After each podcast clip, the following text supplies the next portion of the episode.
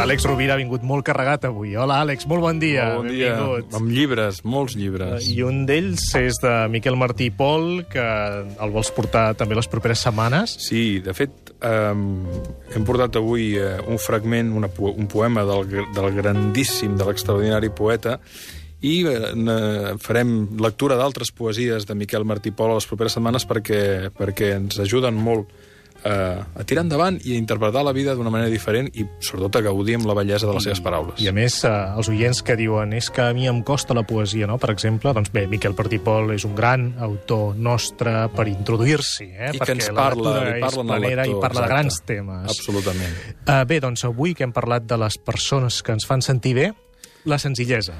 Efectivament, el poema es diu Eixarm de la vida senzilla i pertany al llibre Les clares paraules de Miquel Martí Pol de l'any 79, que el podeu trobar en les seves obres completes, al seu llibre de poesia completa d'edició 62. I diu així. És bo de seure a casa, en la penombra, amb un llibre a les mans, no començat, mentre el sol bat amb fúria de fora, i tot deu incitar a la desmesura. És bo reposar els ulls i el pensament en els perfils més coneguts dels mobles, i sentir al lluny el brum dels automòbils en què la gent va i ve desficiosa. I és bo també de saborear els instants de quietud total, perquè el silenci és aigua de paraules que concreta l'entrellat subtilíssim del poema. És bo de viure en qualsevol moment, estones sol, d'altres en companyia, bo i escoltant les veus que els pas dels anys i un fosc impuls convertiran en himnes.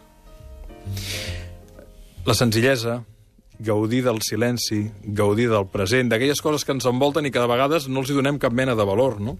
Penso que és una preciosa invitació a que ens situem en l'aquí i en l'ara i que aprenguem, aprenguem a viure tal qual. I a més, eh, co- com deia Martí Pol, enmig d'una vida desficiosa molt sovint, eh, eh, a les grans ciutats, eh, la inhumanitat de vegades de les grans ciutats. Penso que la, que la lectura de Martí Pol et connecta molt amb, amb allò que és essencial, que és nu, no? I que també et fa apreciar molt, eh, no només allò que t'envolta i que no li dones valor, sinó també a la bona gent, a les bones persones. Àlex, gran lector també de poesia. Moltíssimes Ah, gràcies. gràcies, Fins la setmana que ve. Molt Una bon dia. abraçada. Moltes gràcies.